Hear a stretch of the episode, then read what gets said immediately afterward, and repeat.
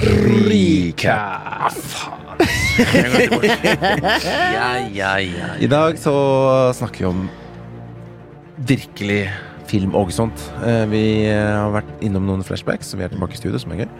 Og en eh, ganske ikke sånn ukjent under radaren, men en litt eldre film. Digg film. Digg film. I hovedtemaet i dag så har vi Horse Girl. På Netflix. Gå og se den nå, for den blir spoila litt inn i episoden her. Ja, så følg med når vi kommer med spoiler warnings. Og i tillegg så har Morten tips når det gjelder skatt. Yes! og så har vi en, Nå er en slapp en lang bombshell på slutten om det Åh, nå må jeg hjem og google det. Pentagon-greier og Du, hysj, hysj, hysj, Du må høre på slutten. Det er masse bombshells. Yes, kos dere. Boom.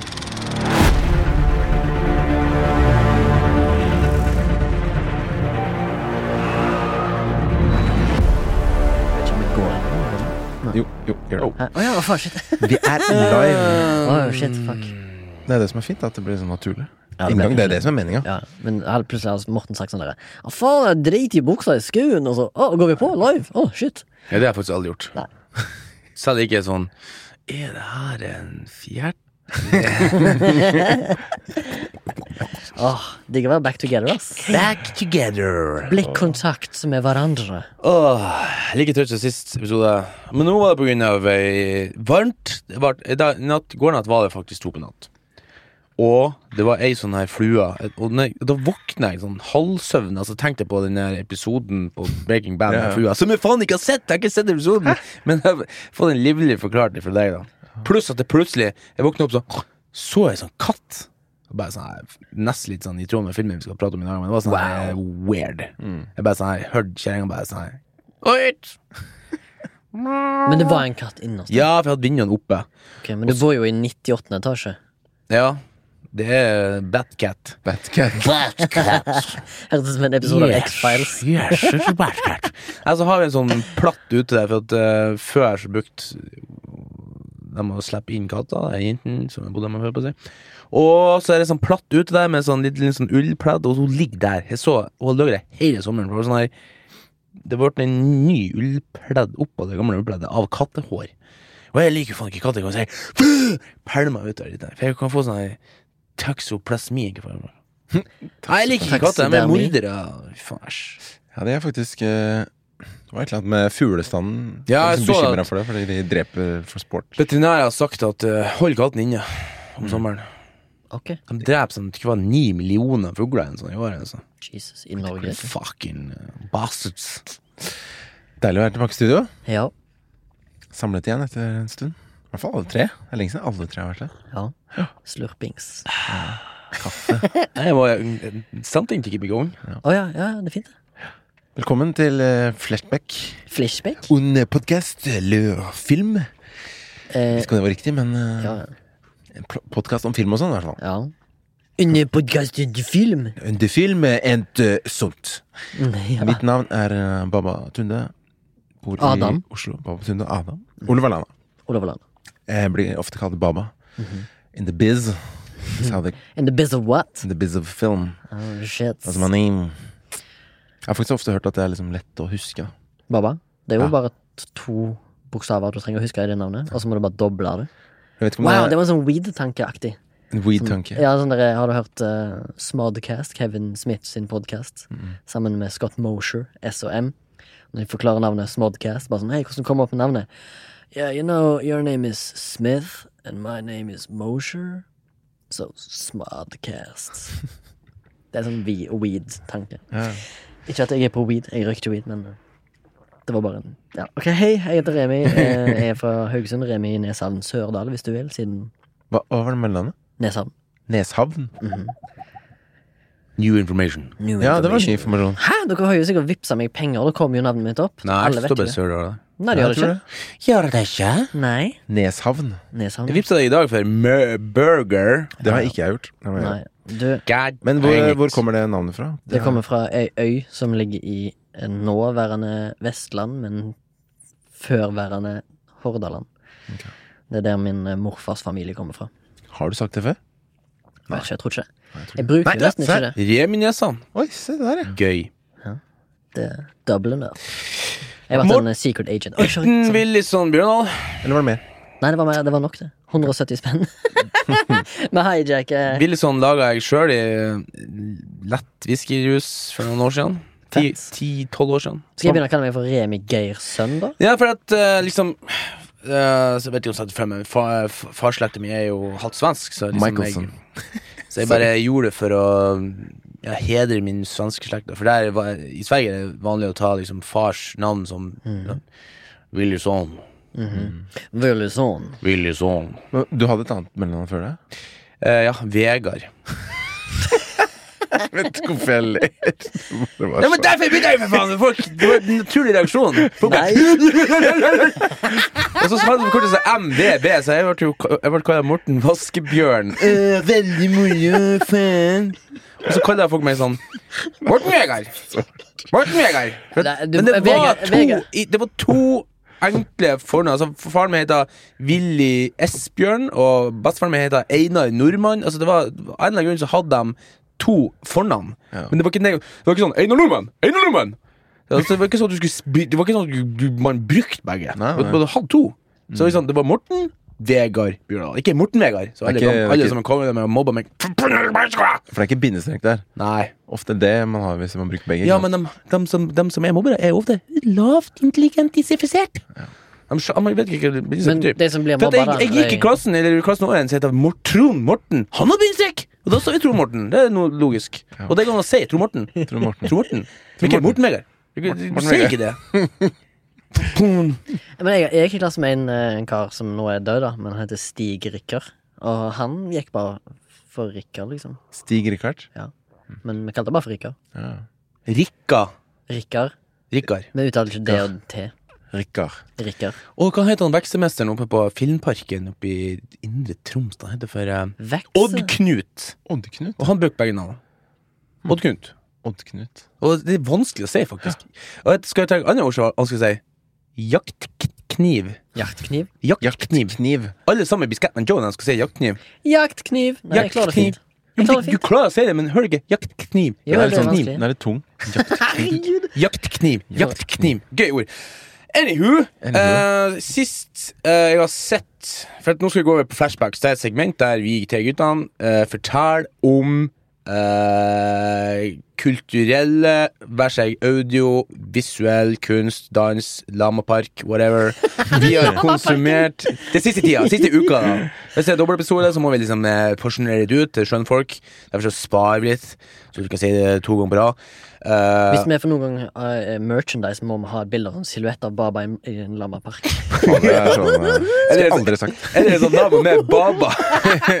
baba the lama. Du skulle fått egentlig opprettet en, en, en lama etter deg. Ja, ja, ja. For, for Eh, og det jeg har konsumert, da Jeg, jeg fortalte sist gang jeg så om det her Når støvet har lagt seg en sånn ganske sånn eh, tung dansk dramaserie om terroraksjoner. Ja. Uh, så det ikke helt pga. stanga her, men det har ikke det. Det skjønner ikke publikum. Så så vi da en episode én, to og tre, var det jeg sa. Jeg og du hadde hjemmekontoret sist gang. Ja. Og så så madammen eh, episode fire, og et stykke ut i fem, for jeg liksom åh, jeg var vannet blomster ja, Jeg syntes det var litt sånn kjedelig, for det var så veldig dramatisk. Ja. Jeg er veldig glad i blomster, jeg har masse blomster hjemme. Jeg kan ta en annen gang. Jeg tok med meg en eikekvist, faktisk. Jeg jeg. Eh, og så begynte jeg inn i episode fem, og der Der klikker jo alle sammen. Det er, det er sikkert en spoiler, men det er liksom Det står i uh, beskrivelsen at der, shit. For det står sånn Advisory. Parental advisory. Oh, ja. De anbefaler at den episoden uh, burde ikke folk under så mange se alene, liksom. Så det er liksom en sånn rødt på han. Derfor så vet du det. Og faktisk, da syns jeg serien ble litt bra. Etter skytinga. For det var sånn mm, Hva er motivasjonen her til denne folkene? Liksom, bla, bla, bla. Så du følger jo ganske mange karakterer da i løpet av uh, de For det er faktisk Jeg tror faktisk det er tolv episoder Hva var det her het? når støvet har lagt seg. Eh, Så det er faktisk ganske mange episoder etter den skytinga. For der får du se liksom, folk, hvordan folk reagerer. Det var, liksom, det var interessant, faktisk. Jeg vet ikke om det er den beste sånn scenen danskene har levert, men det var enkelte karakterer. Jeg synes det var litt, sånn, litt spennende, for jeg har jo sjøl vært, gjennom en sånn liten depresjon her, ganske stor Liksom. Faren min gikk bort, og svigerfaren min gikk bort, og sånn her. Og interessant å se eh, hvordan de har liksom portrettert enkelte av liksom, det der liksom Fuck it, nå skal jeg liksom leve. Pff, denne fyren gjør det sånn. Det syns jeg var ganske interessant, for det var liksom litt av det jeg fikk. At ingenting var nøye der. Det var litt sånn, eh, litt sånn crazy.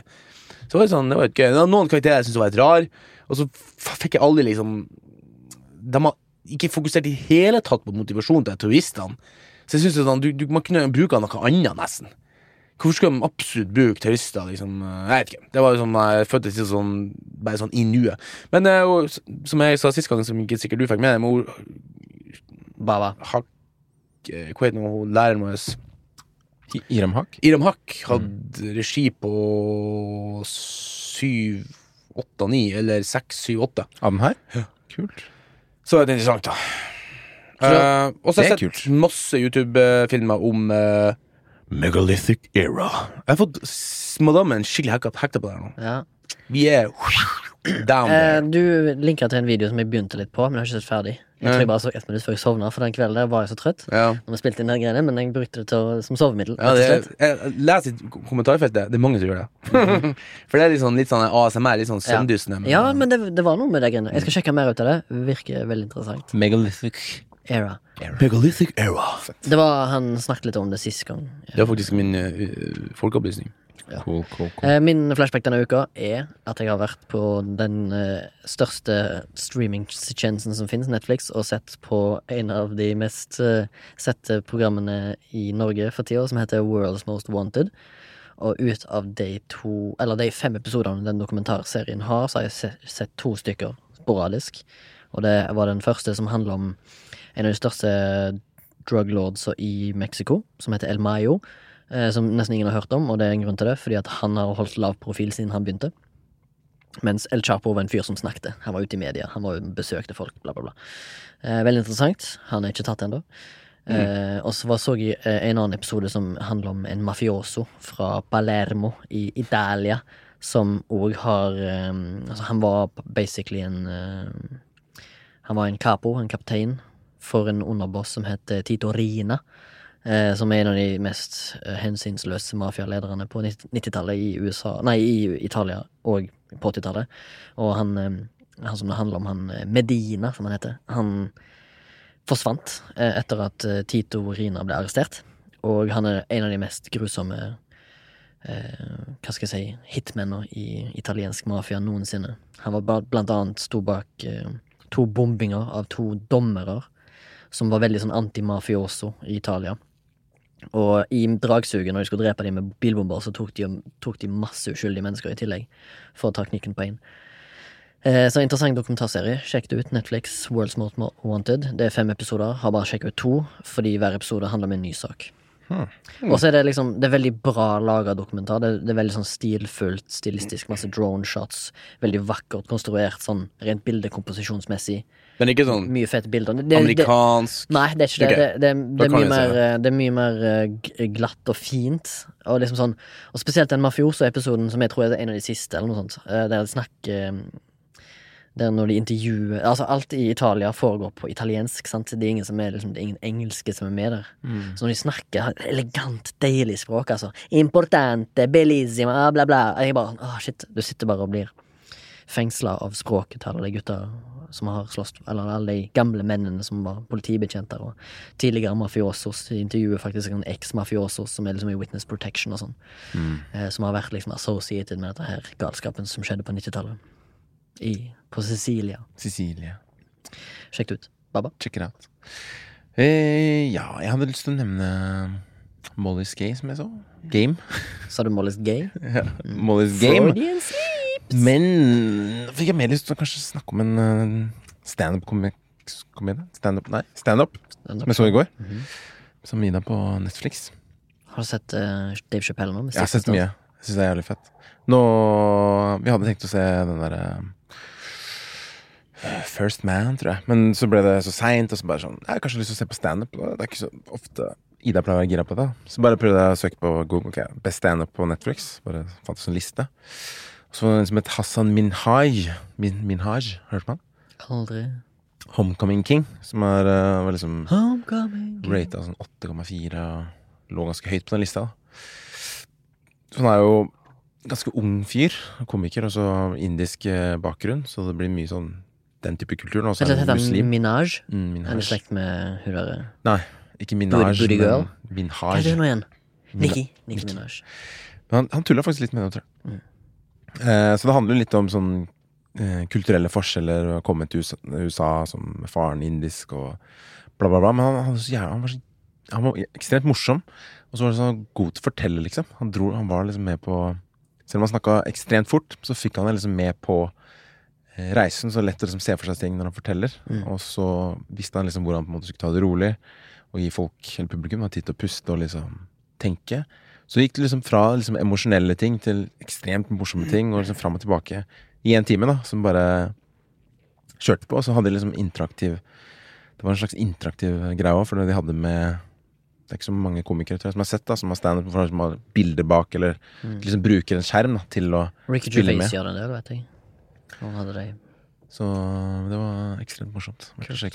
Det du, sier med, det du sier med, med at eh, folk har sånn bra timing og sånn når det gjelder standup og sånn Altså, det er så mange folk som ikke skjønner at det der, der er en kunst. Ja, ja, det du, du, er- må Altså- hone, det, du må hone en craft. Det Det er er ikke som å lage et sverd, liksom. Du blir bare bedre og bedre for jo mer du gjør det. Ja, ja, helt Du kan liksom ikke bli god. Og så liksom, er det fortsatt folk der ute som Jeg har hørt på litt podkaster med masse standup-komikere som jeg liker. Som sier sånn Folk har kommet opp til folk som jobber som standup-komikere, og er liksom, det er deres kunst, da. Og sier sånn har du liksom Hvordan klarer du å komme på de greiene der? Og jeg spør de liksom. Det er bare sånn What? Jeg har drevet med dette i ti år. Dette her tar tid å etablere og utvikle. Dette her må prøves ut hele tida, helt til det blir, sitter perfekt. Tror du at jeg bare kommer på det der og da? Bare sånn Yeah! Og da er folk er så dumme, liksom. Sorry. Ja, men det er jo liksom Timing er jo det som er humorsjangeren. Ja, ja, ja. Og jeg, jeg har jo vært på eh, både på Data til Hagen og på, eh, Edderkoppen, der det er sånn uh, standup-kveld der det er sånn unge som får prøve seg, og så er det litt sånn gamle veteraner som er der og bare tester ut materialet. Ja. Og så bare sånn ah, Så står de og ser i blokka si sånn ah, mm, Jeg skal teste en blokk nå, liksom. Ja, tanta mi, bla, bla, bla, bla, bla, bla, bla så, liksom. Og så Og så, og så, så Hva heter han Dagfinn? Han bare sånn her Nei, han, eh, han nordlendingen, han eh, Dag Sørås, som er sånn Han er god. Ok, stryker det. Ingen som flirer. Da, Ja. da flirer folk. Ja, ja, Og nå flirer jeg, liksom, så tok han liksom vits av det. da Og så flirer vi sånn faen av noe. Ikke sant? Og, Å ja, mer av det. Og så var han borte og skrev, og så sto han lenge og så sånn. Nei, gi meg. Og så bare gikk han senere. Liksom, og bare, folk bare, «Øh», liksom. Men han var på kanskje en kvarter. Sånn, han testa faktisk, han. Ja, men, Ja, de, men sånn de, de, de gjør det, og det heter jo faktisk prøverøret Mm. på Datter til Hagen. Ja, Og der er det både liksom nye ferske, så får, de får prøve hele oppsettet. For jeg må liksom Ja. Eh, ser ikke så Eller jeg liker Jeg ser ikke så mye norsk standup, men noen ganger så har de sånn på latter. Sånn fem minutter, ti minutter. Ja, men på kommer. Latter er jo Det er jo liksom Etablerte komikere. Ja, det er liksom gudmora. Jo, jo, men Hun er litt sånn mafia også, de der, faktisk. Men jeg, jeg, riktig. jeg skal, ikke, nevne noe, men jeg bare syns noen ganger at det med timingen da At folk liksom Noen komikere st- liksom, Det virker som de stresser seg gjennom biten. Ja. Måte, Ja. De bruker ikke den pausen. ja, Det kan hende at de er de som er liksom rookies og skal på først. Ja. Så de har ikke tid å Det kan være. ta seg tid, liksom. Jeg har lyst til å bare si at eh, Nå er jeg inne på streamingguiden, så et gammelt tips fra den gode gamle onkelen her. Og fant ut at når støvet har lagt seg, går på NRK. Nice. Hvis dere er interessert i det. Ja, den, den, det eh, siste den Hassan Minhaj er på Ja. Netflix. Eller ja, iallfall, iallfall, nå vet folk det. Mm. Men eh, ja, bare for å avslutte det med komi eh, kome komikere, eller stand-komikere. Mm. At de er jo ekstremt gode historiefortellere. Da. Mange av de er det. Ja. Men det fins folk som forskjellige typer. Sånn. Noen som er bare sånn bits, Mm. jokes, joke Ja, writers. sant. Som ikke har noe sånn historiefortelling, mens enkelte folk som Iallfall jeg syns de som er liksom sånn kan gjerne gå på en sånn ti minutter lang historie, og så har de en punchline på slutten, og så kan de komme tilbake på den på slutten. Det er sånn, der, det er sånn skill. Ja, ja. Så dere har sånn lang historie som er funny. det er skrevet. Funny along the way. Ja, ja, det er skrevet, og det er liksom det er liksom terpa på, det er trent på, sikkert gjennom et helt år med turnering, og så lager de en special på slutten av året når alt sitter, liksom. Og da har de vært sånn som du sier, Morten, at eh, de har vært og prøvd ut på publikum, og så har de kanskje byttet et par ord, fått noen, noen nye linjer på for å liksom Flytta punchen punch. litt. Ja. Det noe- Mitch Hedberg eh, var en, en jævla artig fyr, men han har sånn Han er sånn vits. Han er sånn vits, Eh. Det er jævlig bra. Han er jo dritbra. What's going on here? with- Is it the belt that holds up the, the pants, or the pants that hold up the belt? Ah, anyway, anyway. Altså, han, Um, så han der eh, ligger i senga. eh, I had too much noise on because I left the TV on and the neighbor knocked on the wall. And I just said, go around, the door is not there. Jeg har en sjuk, en sånn stoner-bits. Uh, faen gøy, ass. Jeg døde jo ganske tidlig av heroinoverdose. Dessverre. Si, så ikke coming, så ikke coming. Ok. Men eh, før vi hopper inn i dagens tema, da, Så en, en opplysning en til folket. opplysning til folket. Mister Ja. Willison. Onkel. Onkel Willison. Onkel Morten Vegard, kom igjen. Morten Vegard. Ja da. Lama Baba og uh, Remi Neshavn. Remi Neshamn. Mortens folkeopplysning! Eh, en liten opplysning her. For at jeg, eh, jeg skulle gå inn i bygget her, så var jeg sånn her eh, Ja, Reimer har fått eh, masse igjen på skatten. Og så sa jeg sånn Ja, jeg har fått 700 kroner baksmell. Så holdt jeg guttene på å flire i hjel, som Det om det var noe tull. Jo da, det gjoma i gangen her når dere. Uansett, da, så sier jeg sånn at mhm, her hører jeg at dere trenger å bli litt skolert. For det er ikke kult Altså, jeg, altså når jeg får tilbake penger på skatten, så blir jeg selvfølgelig også glad, men det er ikke det, er ikke det som er det, det, det er ikke det som du er ute etter. Du er ute etter å gå så nær null som mulig. Ikke sant? Fordi Fordi at uh, mm, Du må jo betale skatt, ikke sant? Og det, det er jo en prosent som hele tida justeres ut ifra hvor mye du, uh, du tjener. ikke sant? Du blir sånn Du bare sånn satt et tall ut hvor mye du tjente i fjor, hvor mye du skal tjene i år. Og vi som er frilans, vi er jo spesielt sånne som kan bomme på det. Hvis vi tjener for mye, så får vi bakspinn. Hvis vi tjener for lite, så får vi eh, Tilbake. tilbake. Men når du får tilbake penger, så betyr det at du har betalt inn for mye skatt hver måned. Ikke sant? Så at staten har fått masse penger som du egentlig ikke skulle betale inn for å, for å støtte fellesskapet. ikke sant? For det er om å støtte fellesskapet, men det å melke systemet til det ytterste som er clouet. Så når du eh, får tilbake penger, så la oss si at du får tilbake 20 000, ikke sant? så har staten hatt de her pengene, pengene i sin, på sin eh, grisebinge og fått renta på det, ikke sant? Men den renta du får av dem, er jo bare, det er bare marginalt over inflasjonen. Imot at du På de skattepengene. ja, imot at du sjøl fikk ut så mye som mulig av lønninga, og på den måten sette de pengene inn på kanskje et fond, eller noe sånt. Så jeg, to-tre ganger i året så går jeg inn på skattekortet, og så ser jeg hvor mye jeg har jeg tjent. For det, det, nå er det oppført. Nå er det blitt så enkelt. det. Og så, så, så ser du liksom Ok, jeg har to prosjekt nå gjennom året, så jeg kommer til å tjene Ja, jeg kommer til å tjene 150 000 til. Så bruker jeg å justere ned det tallet der, hvor mye jeg kommer til å tjene. Så, så, så neste lønning, da, så plutselig har mange fått sånn 9% skattetrekk på en lønning. Sånn, for å, da, da forandres alt, ikke sant. Jeg, jeg, det er ikke sikkert at jeg har liksom naila det, men jeg føler at jeg er inne på noe som liksom Spesielt i november, ikke sant. Da bruker jeg gå Eller i oktober. Da går jeg inn og så bam, forandrer jeg. Så får jeg to måneder med sånn lav skatt ut året. Og så sånn. treffer jeg nærmere det som er. Hvis jeg, hvis jeg, jeg, bruker å skrive liksom 650 000, men noen som kjenner bare på eh, 490 eller 510, så går jeg inn og så skriver det. Og så blir det de siste to månedene blir nesten ikke skatt, for du har allerede betalt inn så mye skatt. Sant. Altså, for du står jo under sånn Ja, du, de tror du skulle tjene 650 000, og du har allerede betalt inn 160 000. Og så juster du ned totalbeløpet til eh, 450, for det er det du havner på. Så, så tenker de sånn Wow! Eh, skatt av eh, 450 000, det er jo bare 160, så kanskje i to neste måneder får du null skatt. Life hack. Det er ikke life hack, men altså, de, de oppfordrer deg til å faktisk inn Altså uh, Jeg skal sette meg mer, mer inn i det, jeg lover deg. Nei, men Skattekortet er ganske enkelt. Du lå på en bank i Det er gjort så Ja, ja. mo-enkelt nå. Du lå vært- bank i det, boom, så ser du hvor mye har du tjent. Ja. Og du kan også Du har selvfølgelig lønningsslippen din som ligger så så kan du sjekke. Jeg bare syns det er litt digg eh, Sikkert ikke Men du har rett, at på en måte, hvis du har, får de pengene du skal, og istedenfor å få 7000 tilbake, da, så er det bedre å sette 1000 kroner i måneden på fond. Ja. Men uh, det, Det er- det er litt jo. digg å også få den derre over sommeren. Bare sånn ah, Det blir en minilønning, da. Jo, men det er to måter å spare på. Ja. Det ene måten å spare på Nå gjorde jeg hermetegn i lufta, men den ene måten å spare på er å betale inn for mye skatt. Ja. For det er sånn Jeg klarer ikke å sette av pengene, ikke sant? så da lar du staten spare for deg. Mm. Den andre måten er å betale altfor lite skatt, og så beregne at du får 10 000 i baksmell. For da har du på en måte Da har du lånt penger fra staten, Mm. og de pengene det er rentefritt lån, gutter og jenter. That's some next little shit. That's some next level shit. That's some next level Biatches. shit. Biatches. For at de, de har ikke lov å ha De har ikke lov å sette de har ikke lov å ta renta på det du har liksom eh, jeg, å si, betalt for lite i skatt, for det, det, er ikke, det er ikke et lån. Det er noe du betaler inn for å være en del av fellesskapet. Så det er på en måte litt sånn altså, Du klarer å beregne det, så er det på en måte et skattefritt lån. Jeg har lånt 10 000 i staten, jeg.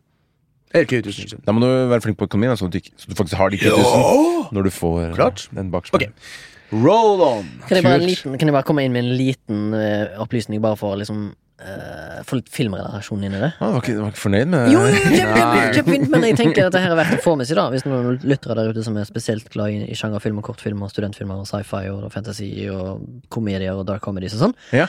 så kan de dra på det som kalles for Cinemateket i Oslo den eh, fra 20 20. til 30. august.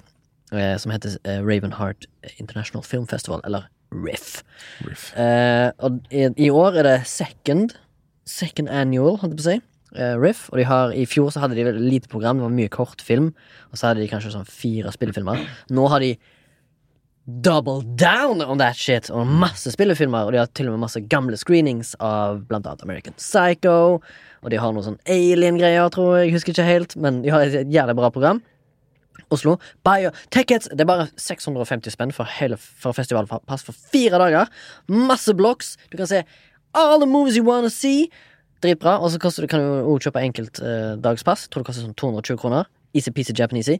Gå inn på ravenheartfilmfestival.com. Bang! Kjøp noen billetter. Sjekk ut cinemateket.no. Se på programmet. Do what you want. Enjoy life. Gjør det. Vi er ikke sponsa. Det her er bare Det var bare min positiv markedsføring. For det er såpass bra. Ja. Cool. Cool beans. Yes, Før vi uh, satte oss ned her i dag, så har vi sett på film sammen. Yes, endelig. Endelig. Det Det er første gang vi alle tre har sett Ja. film Takk, sammen. Bortsett fra når vi var på Joker. Men da Ja. var vi på kino sammen. Ja, det var ganske tidlig i vår uh, periode. Det er han Jon eh, tegneserieguru som har tipsa her og spurt om vi kunne se den. Kult. Men uten å lese reviews. Og det har du òg fått tips om, ikke sant? Jeg har fått tips om ikke les noe ikke om filmen, bare se den. Ja, og det, det, det er jeg glad for jeg gjorde. Altså. For jeg var ikke helt sånn trailer. blown away, faktisk. Av, Så ikke noe trailer. Bare så på IMDb, liksom. Men uh, det var noen lyttere som hører på, som er veldig fan av den uh, måten vi gjorde det på når vi snakket om Peanut Butter Falcon. At vi snakket litt om filmen først. Hva, Noen først, en trikk inntrykk. Hva vi følte, og hva vi satt igjen med, litt. Uten å spoile filmen. Og så kan vi gå inn i spoil territory og forklare rett og slett om handlingen. Da. Så vi kan jo begynne der. Morten, har du, føles ut som du har masse på hjertet.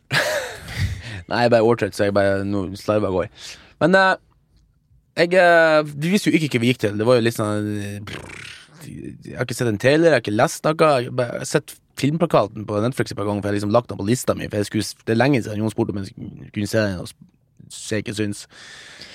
Og hun er jo Kan jeg bare, før du begynner, liksom tradisjon tro, bare gå gjennom det tekniske for å få gjennomført det? Ja, det er en. Netflix-film som er regissert av Jeff Bainer, vil jeg gå ut ifra at uh, det skrives.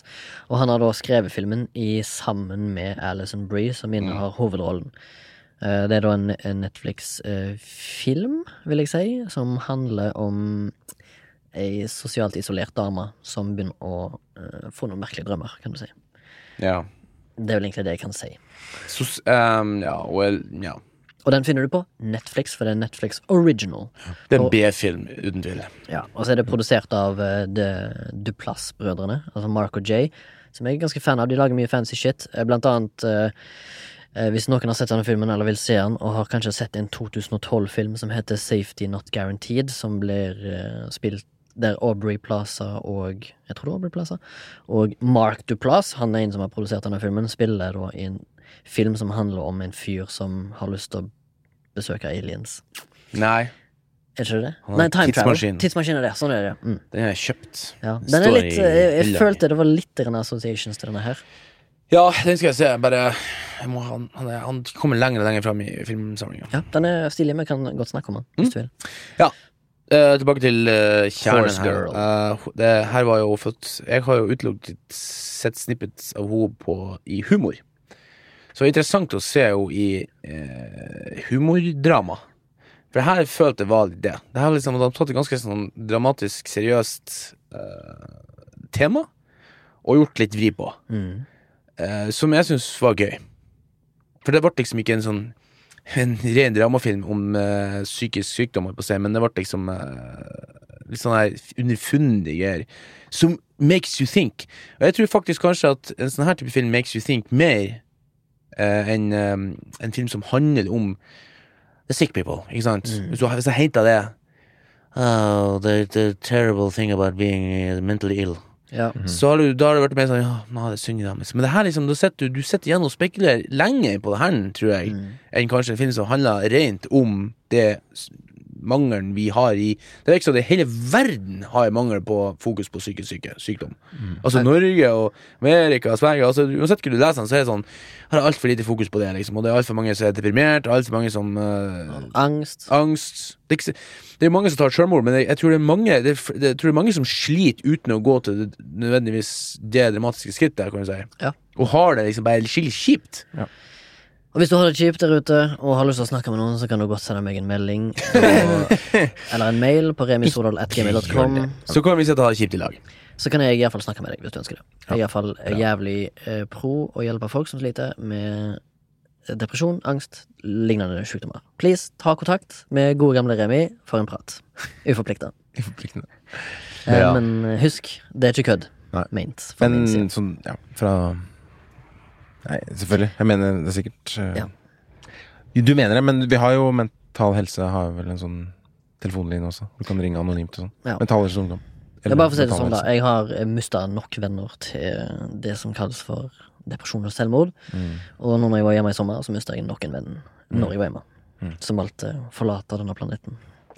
Eh, så husk at det er verdt det å ta kontakt med folk. Mm. Jeg har vært godt, og jeg har mista ingen, faktisk.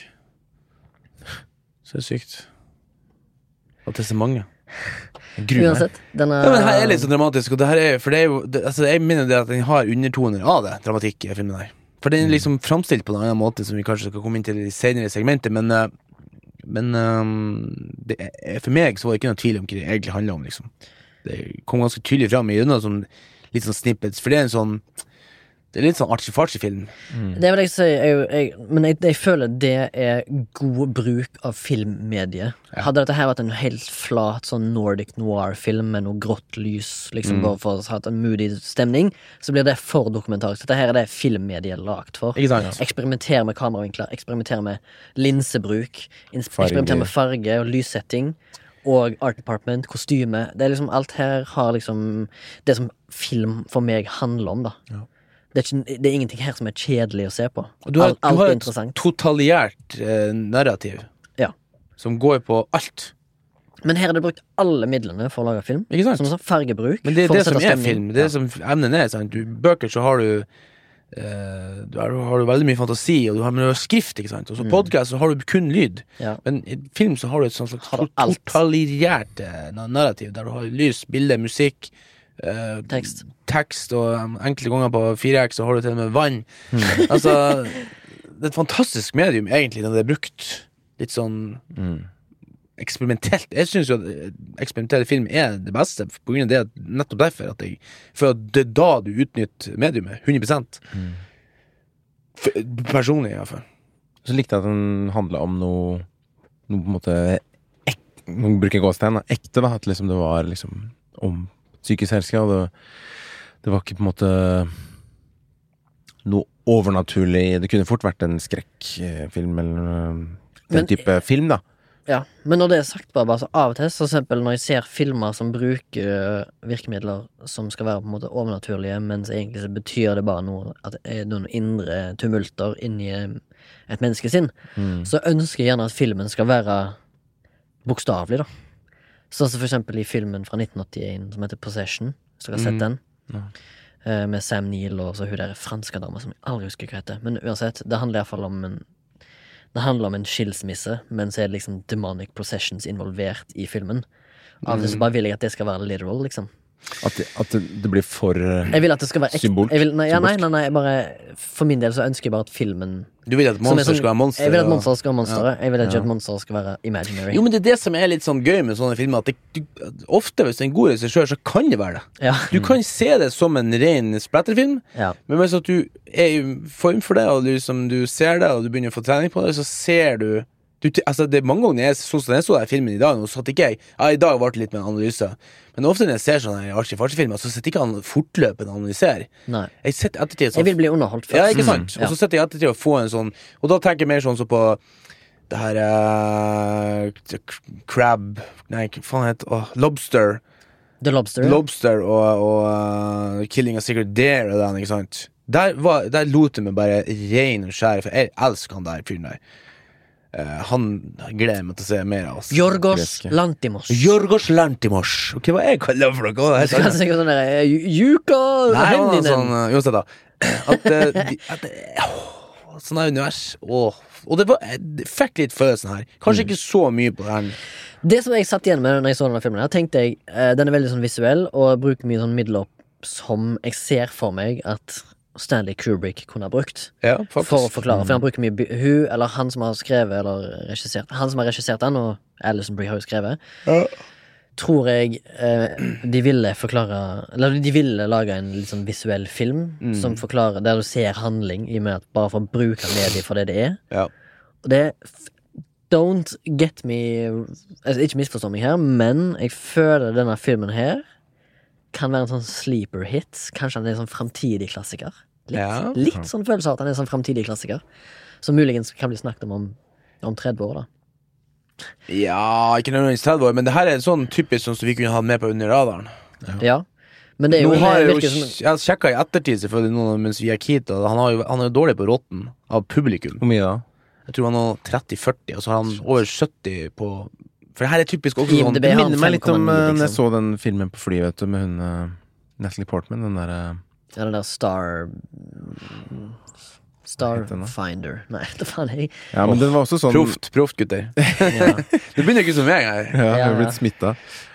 Nei, jeg skal finne ut av det. Som jeg heller gikk inn helt blindt Mm. til, og visste ikke satt på flyet. Jeg kunne Visste ikke ikke at han sjekke, ble slakta som nei, jeg kunne ikke sjekke noe, men liksom jeg syns det var en godt fortalt historie om også en dame som på en måte mista sin syke, da, men eh, ikke like Jo, kanskje litt sånn lik, faktisk.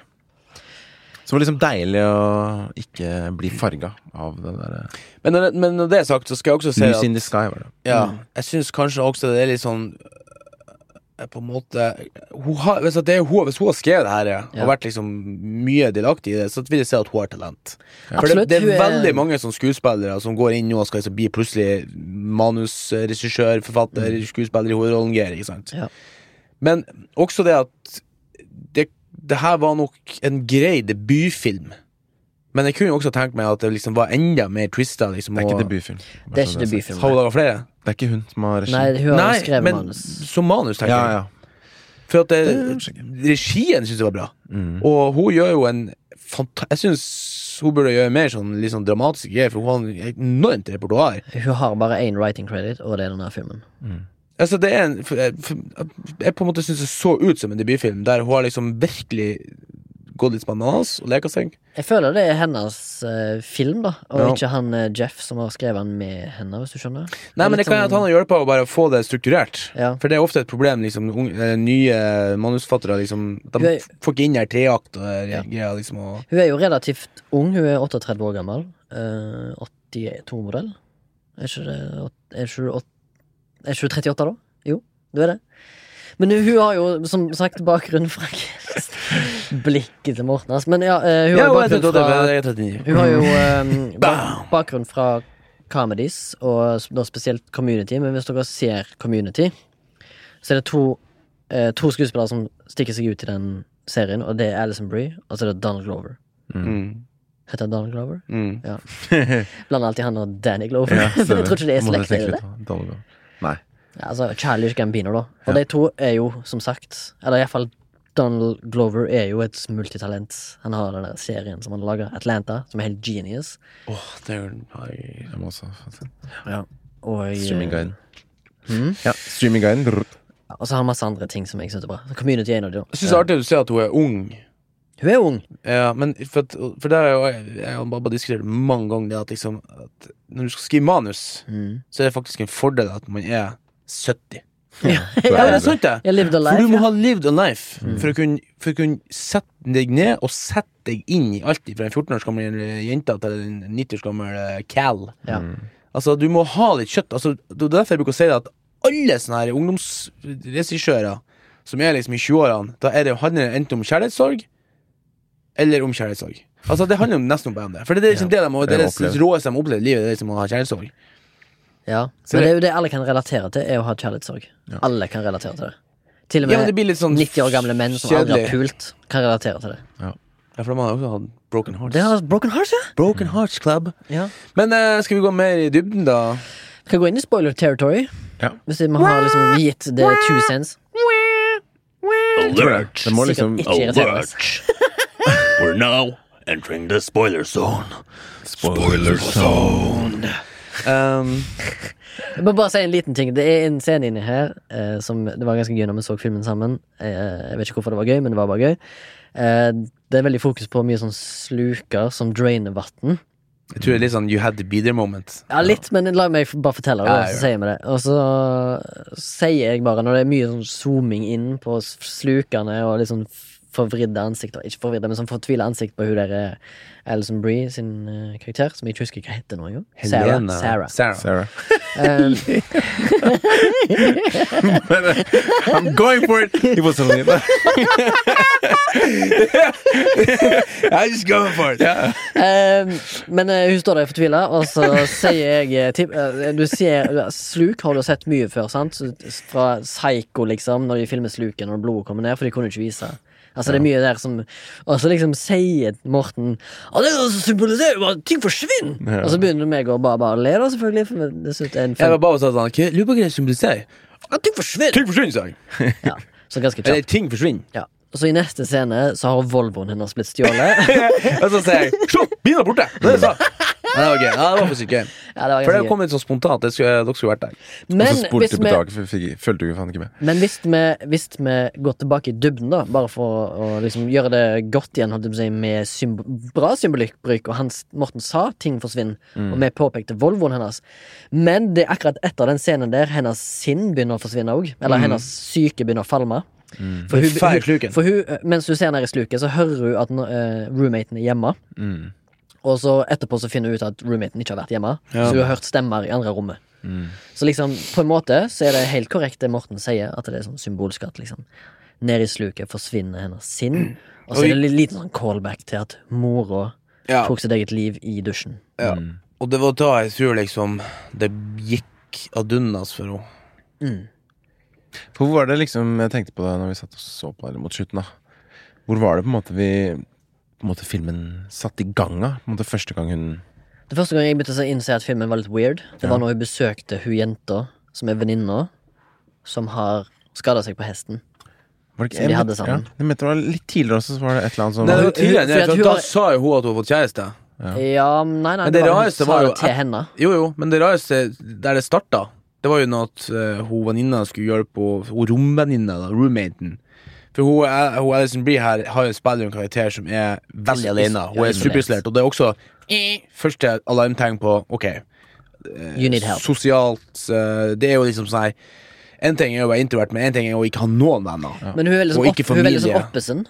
Jo, jo, men det er også veldig sånn Put on a, put on a happy face! Ja. Ikke sant? Det er også veldig typisk at Så Robbie Williams, ikke sant? det er ofte de, de blideste og de artigste som har det tyngst. Ikke sant? Ja. For de på en måte put on a brave face. Ja, bortsett fra Chester Bennington i Linkin Park. Han hadde masse sanger sånn Jo.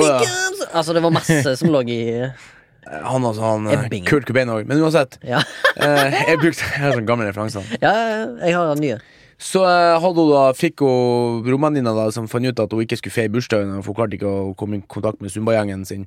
Eh, så Ja, inviterte var- hun kjæresten til Nei, kam eh, kameraten til kjæresten din. Ja. Romvenninna inviterte han over, og så wow, fikk hun en sånn connection med han. Hun Alison Brie. Ja, men den connectionen var mest basert på at han hadde samme navn som Ja. en såpeserie eller sånn der. Jo, jo, men det var da liksom det starta, og så når hun søvna da, mm. Så datt jo hun inn i et sånt Det hvite rommet. hvitt ja. univers. The White Space, som vi kaller det. Og så så hun til høyre, og der så hun en sånn her eh, meksikansk eh, kille. En rørlegger. Og så til andre sida så lå det ei brunetta. Ja. Og så lå hun der liksom og, og snudde seg litt sånn rart, ikke sant. Mm. For det var første gang det ble weird. Ja. Men det var faktisk litt før det, når at kjæresten til roommaten s- når hun s- gikk i søvne. Det var der det Ja. starta. Ja. Det var litt crazy, den scenen der. Det var var faktisk sånn spooky. Ja, det var aller, aller første, kanskje. Han eh, Kjæresten til roommaten kommer ut, og så står Alison Brie Når han kommer ut med lommelykt og skal finne seg et glass vann, så står hun bare inntil en vegg med, Litt sånn an- med ansiktet inntil veggen. Og det var, Det er det, det var ikke det også bestemoren gjorde, da? Bestemor òg gikk i Snakke med vegger. Ja. Som vi sier da. Men hva var liksom greia med det der det, På et eller annet tidspunkt så har det vært en fest på bursdagen hennes, Mm. og så når hun våkner, så er det sånn jævlig skrapemerker på veggen. Det var litt crazy. Mm. Men de skrapemerkene, hvis dere eh, la merke til det, da Jeg noterte det litt ned i hjernebarken min. Det minner meg om de skrapemerkene som de, de alienene hun ser for seg, de mørke skikkelsene som står og skraper på kroppene deres. Men jo, men det er også det sånn, eh, det er sånn, også veldig sånn Hvis Ja. skulle se på det liksom.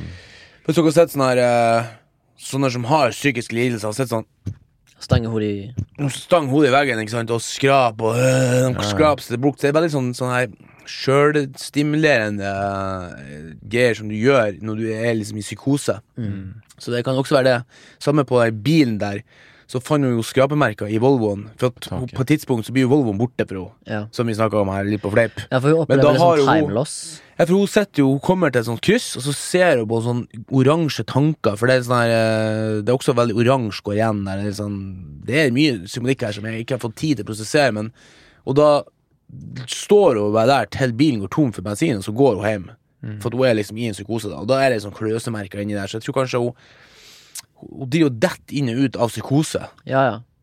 Og så, og så får hun det først at det her er liksom aliens som driver og adopterer. Det her er en sånn film jeg merker nå mens du snakker, at man må liksom se den igjen. For jeg husker jo veldig tidlig i filmen så står jo de kryssklipper mellom at hun snakker med en venninne. Jeg husker ikke hvem den venninna var, men at hun står og hjelper en person i butikken. Mm. De snakker om noen farger, og så går de til venninna og snakker om noen jenter. Jeg tror det er en sånn derre um, vaskehall. Ja, ja. Mm. Ok, arbeiderlag. Men akkurat Jeg husker jo ikke hvem hun jenta var heller. Det er kanskje hun Hun der er Shannon. Det var jo hun der unge som jobba der. Ja. Ja, hun jobber på Altså, det, ja, dere har jo sett Jeg vil bare filmen. s- Det hadde vært kult å sett de, alle scenene, egentlig, da, tidlig i filmen, i lys av og vite helheten. Ja. Men jeg syns jo det var interessant Sånn som hun dama åpningssekvens. Som snakka om den oransje også. Sorry. Ja, hun møter ei sånn armensk eh, spåkone som kjøper et oransje stoff, og hun sier at det ligger masse energier i farger. Ja. Og det ser ut som det vekker interessen til Sarah, da. Mm. Dette her er ganske i begynnelsen. Og det er jo da oransje skal liksom bety et eller annet Jeg husker ikke hva hun sa det betydde. Men oransje går iallfall jævlig mye igjen. Ja. Fordi hun blir obsesst med oransje fargen etter det at hun får høre at å ja, når hun liksom ei spåkone fra Armenia sier at ja, oransje betyr dette her og der, gir det sånne, sånne energier. Mm. Så blir det sånn å ja, det visste jeg ikke.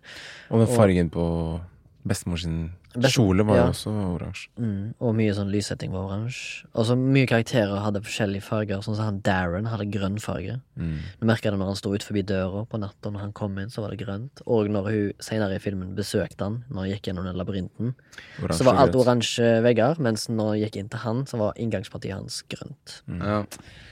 Kult. Eh, ikke at jeg vet hva det betyr, men eh, Ja, men det gjør noe med underbevisstheten din, da. Mm. Uten at du er klar over det der, så har du en effekt. ja.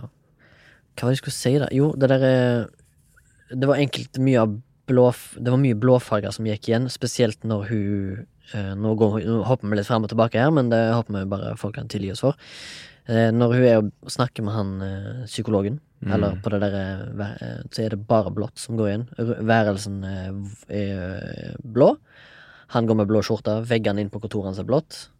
Og så liksom ja, men det er sånn suiting. Ja, men Det er så sånn er jo for å berolige. Men så er jo hun oransje, mye oransje, og det minte meg jævlig om den der Internal Sunshine of the Spotless Mind, som jeg føler det var en liten homasj til, som òg handler om sinnslidelser, da, Mm. på en måte. Ja, men det var litt sånn homasje her og der, for de jo også med sånn zooming. Ja, sånn Mm. 80-talls 80-talls eh, grøss-zooming-greier, liksom, sånn å- men det er også litt sånn for å gi en litt sånn ekkel effekt. Det kunne godt hende at han kameramannen på det her prosjektet var fersk. Altså Hvis vi sjekker det ut, så er sikkert han også ganske fersk. For at det, det som er litt gøy med Netflix, er at, de, at de, de, de gir liksom litt penger til unge, nye stjerne, Mm. stemmer. da Men det er akkurat samme som Jeg vet ikke om, jeg, om jeg har snakket om den eh, skrekkfilmen som heter Hereditary. Ikke Eh, snakket om. Nei, men eh, Litt spoileraktig, da, men ikke litt spoiler. eh, Men, men skrekken i den filmen der er jo sinnslidelser. Ja. Mm. det er jo nedarva sinnslidelser. Det er jo det som på en måte er elementet her. Og det betyr bare at liksom, eh, liksom Hvis den der 80-talls skrekkfilm-zoomen blir brukt mye, kan det jo bare ha en litt sånn eh, homasj til at liksom sinnslidelser kan være skrekken for folk, liksom. Jo, jo. Og så er det jo også det at det er arvelig Mm. Det, det, De sier jo ofte at det skipper en generasjon sånn sinnslidelse. For mora var jo deprimert og tok livet av seg, men hun, hun her er tydeligvis latent fra Og det tror jeg det at Og bestemora tror du var klone. Ja. Men jeg tror jo ikke det at eh, akkurat det at mora tok livet av seg, hun ikke hadde far, og hun ikke hadde noe Altså Hun hadde veldig sånn stusslig liv. Ikke sant? At det var liksom sånn Når mora tok livet av seg, jeg tror det var så Så skjellsettende at liksom det var det som liksom trigga sinnssykdommen i seg, som liksom bestemora hadde òg, Ja. kan du si. Så var det jo hele den der historien med hestene også. Hesteulykken. Ja, det, det var noe der òg med hun venninna som var blitt hjerneskada av at kanskje hun hadde noe sky- følte noe skyld i det, eller noe sånt. Mm. For de var, så, de var så rare, det der hesteeierne. Ja. De var veldig rare, de ville ikke ha noe der. På For grunn, var på grunn av forsikring fikk, før. fikk ikke hun lov liksom å Jeg tror det var bare en unnskyldning for å få henne til å gå vekk. Til å ikke ha noe med hesten å gjøre. Fordi at du merker veldig tidlig at de, de vil ikke at hun skal være der med hesten, men hun oppsøker sin gamle hest, som hun Virka eide før. sånt. Kan vi, er det noe sånn symbolikk på hest? Og bruk av hest i film, liksom? Som dere kan tenke dere? Hvit hest. For som- hvorfor heter filmen Horse Girl?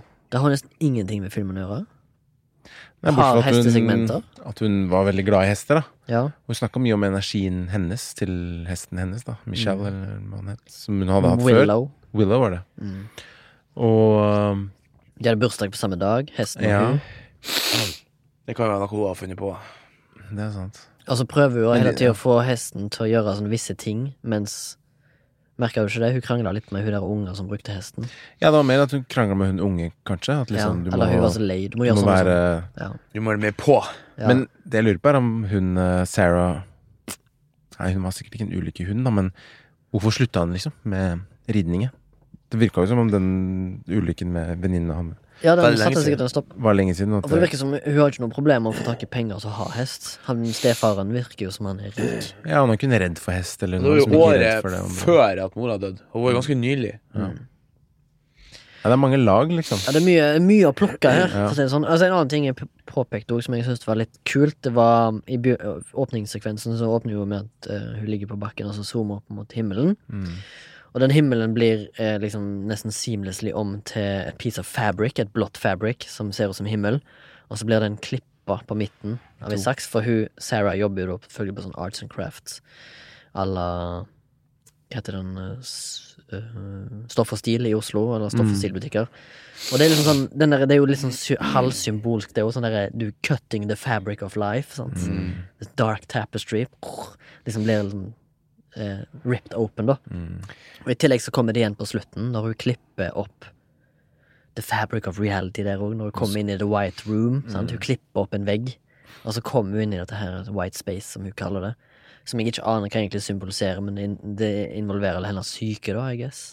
Det er det som er så kult da med filmen, at liksom det er så mye weird Mm. shit. Men når du legger det inn konteksten med dyp depresjon eller psykisk syke, da, så blir det liksom Ja, du forstår det på en måte. Fordi Mer, i hvert fall. Og så må vi jo ikke legge eh, under en stein, er det dette? Alison Breeze sin performance i denne filmen var jo Nei, helt uh, insane bra. Spesielt når hun tar med seg han typen som hun holder på å få da bort på kirkegården. Mm. Ja, det ble nesten litt sånn Da ble nesten litt skremt. Ja, da var jeg, da var jeg redd. Og så, og, men så satt jeg og tenkte litt på, for det var jo veldig sånn her Jeg kan forstå det at en filmgjenger som ser det her, liksom, syns liksom det der For det er jo noen slags form for aliens inni der. Mm. At det er veldig sånn, veldig sånn tacky og ser veldig sånn dårlig ut. Mm. Men så, så satt jeg og tenkte på det nå at jeg tror kanskje det er litt med vilje.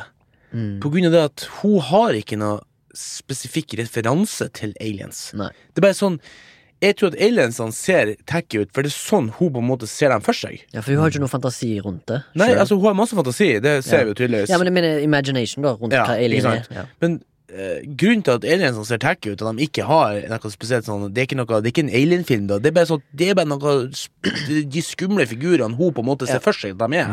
At de er enkle av at det er, hun, det er sånn hun ser dem for seg. Ikke sant? Ja, men jeg tror du er inne på noe der, Morten, for nå fikk du meg til å tenke på For hun plukker opp dette her teknologi og alien technology av den uteliggeren som jo, uh, henger ut forbi kjappa hennes. Så hun bare plukker det opp, og så Ja, tror hun ja. blindt på det med en gang. Og hun gjør det under flere instanser, gjør hun ikke det? Jo, jo. Det med den klonegreiene og sånn. Så det hun, veldig sånn, hun blir veldig obsessiv da på ting, og det merker du gjennom hele filmen. Sant? Hun blir jo obsessiv på denne her fargen med hun der dama som velger oransje tøy eller stoff. Og så liksom, ah, du, hun blir veldig interessert i med en gang. Hun, ja, jævlig lett påvirkelig, men jeg tror kanskje det er et Det er en søken òg. Ja, men jeg tror det er òg et symptom på litt sånn depresjon og angst. Jo, altså, men så er det jo også på søken etter For at hjernen, selv om at han er i en dyp depresjon eller er på si sinnssyk, så søker han jo etter på en måte svar Ja. før, før det bekker utfor. Ja. Og sånn er jo av karakterer. Hun er veldig forsiktig og usikker. Ja, men Så- du blir jo veldig nysgjerrig til slutt. Jo, jo, men Oppsøkende, som du sier. Jo, men på slutten der, alt Ja. det der skjer jo oppi knøtten på henne. Mm. Ja, ja, men tenker på når hun liksom er ut forbi og sånn rørleggeren med kjæresten og på Jo, jo. gravplassen. Hun blir hun veldig veldig Hva heter det? Sånn uh, bipolar uh, Jo, vel, Hun er veldig oppspent. hun har funnet en måte, en, noe hun tror på så sterk, da Ja. At liksom det her er For Hun begynner å snakke om det der eh, Satico, Satellite. Sånn, hun har plukket opp fra en uteligger. Hun hører én ting én gang, og så blir hun sånn Med en gang så tror hun på at det er sant. Mm. Han der eh, Darren spiller med på den daten og snakker om Bigfoot og sånne ting. Så det, og hun bare ja, right, right, right Hun blir med en gang overbevist om at han tror på akkurat det samme som hun tror på. Jeg syns det er fascinerende hvordan de liksom greier å dra deg inn i Med på hennes psykisk, psykiske reise så på en måte forsiktig Eller du merker liksom ikke hvor det måte switcher så lett. Du bare blir liksom med. Mm. Bare sånn er Men det er vi veldig gøy å se gradvis degradation av hennes Ja, ja. mind da i den filmen. ja, men Ja, det, for det det, er gjort veldig at fint. det er Eller gjort- bra. Det er gjort på en måte som ikke jeg har sett så mye før, faktisk. Ja, for det er veldig sånn limited location locations, og det er veldig sånn nett, nært på, tett på bilder. Mm. Sant? Det ser ut som en veldig billig film å lage, da. Mm. Det er ikke sånn ok, her Men samtidig så er det liksom nå er det side ti, nå skjer det. Og Mm. Da er det liksom action. Det er liksom For nå begynner nå la det der drakten og der og Det er veldig kult. Altså, det er sånn det, det, jeg, jeg, jeg kan ikke huske at Det blir nå vel kanskje litt sånn sånn uh, lo, Lonimushi, hva heter det for noe her? Jorgos Lantimos. Jorgos Lantimos. Og så faktisk Logimushi! Ja, faktisk, det du nevnte i starten med han eh, Det blir nok sikkert litt Jeg tror nok kanskje folk syns at det er litt sånn søkt, men eh, The Shining, faktisk. Mm. Jeg tror ikke Jeg tror ikke hun ennå hun er helt på, på, på Kubrik-stadiet, men det er jo også, der, der er jo også psykisk helse da som gjort på en måte litt sånn grøssmystisk, da. Ja. På en måte som liksom Isolering, som Ja. hun er mye involvert i. at vi ser utelukket nesten eh, ifra den syke sin vinkling. Mm. For det er ikke så ofte. Ofte så ser du det fra pårørende sin side, liksom at 'å, så synd i dem', og bla, bla, bla. ikke sant? Men her ser vi jo nesten hele handlinga er jo fra hennes synsvinkel. Mm. Der vi ikke ser det som skjer i negativ, negative rommet. Nei, altså, Imellom der hun blir borte. Nei. Nei. Hun, vi ser at hun våkner, så vi ser ikke hva som har skjedd. Hun er med i alle scenene, føles det som. Ja, Og det er ikke fra noen andre perspektiver enn hennes. Nei? På noen måter. Og det er jo samme også på grunn til at for eksempel The Shining er forma som en gjøsser, er jo fordi at, som, vi, som du faktisk nevnte her i stad, at liksom psykisk sykdom er nesten litt sånn grøss. Ja. Det er nesten litt skummelt når folk blir Ja. gærne. Hva som skjer her, liksom? Det er liksom utenfor, helt utafor konseptet. Ja.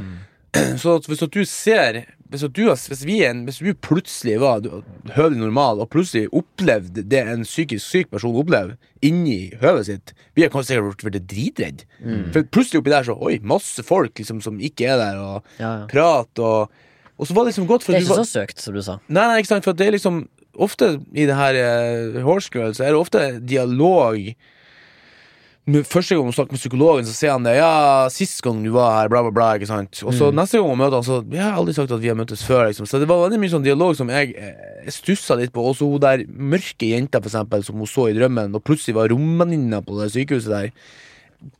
Hva hun kom ifra. Men så begynte jeg å tenke på sånn at kanskje det at eh, hele det her eh, psykosen har vært lenger enn det vi faktisk At hun aldri har vært utafor sykehuset. At sykehuset Og grunnen til at liksom eh, At kanskje liksom hele Alt vi hadde sett til nå, har skjedd inne i sykehuset, på en måte. Interessant tanke. For hun sier jo sånn at uh, Du har vært her i 72 timer, så sier hun jeg har vært her bare én natt. Nei, jeg har vært her nesten tre dager. Og Mm. det har jo ikke vært så mange kvelder. Det har jo vært kanskje to kvelder Mm. siden vi begynte å følge henne. Det var jo den kvelden hun tok for på på, på gravgården med han, og så var det jo den dagen før, da, der det var festen. Mhm. For det er så rart at han psykologen først sier Nei, det er jo andre gang vi møtes, liksom. Ja. Så kanskje så egentlig hun har løyet på det, på det sykehuset hele tida. Men igjen så var jo hun romvenninna litt sånn Avvisende. Ja jeg, jeg var et, På et tidspunkt jeg Ja, men hun burde- var jo faen på et sinnssykehus. Jeg tror ikke de er de mest chatsomme, ikke sant. Nei, nei. Den er iallfall uh, svært eh, Hva heter svært? Jeg bruker aldri det ordet. Jeg er ikke fra 1920-tallet, liksom. Men eh, det er veldig mye bruk av eh, symbolikk. Det er svært mye bruk av symbol. For det var vel ikke Når jeg tenker meg om, så var hun vel med i alle scenene. Hun var med i nesten alle Jeg kan ikke huske én scene hvor hun ikke var med. Nei. Sånn jeg tenker meg om nå.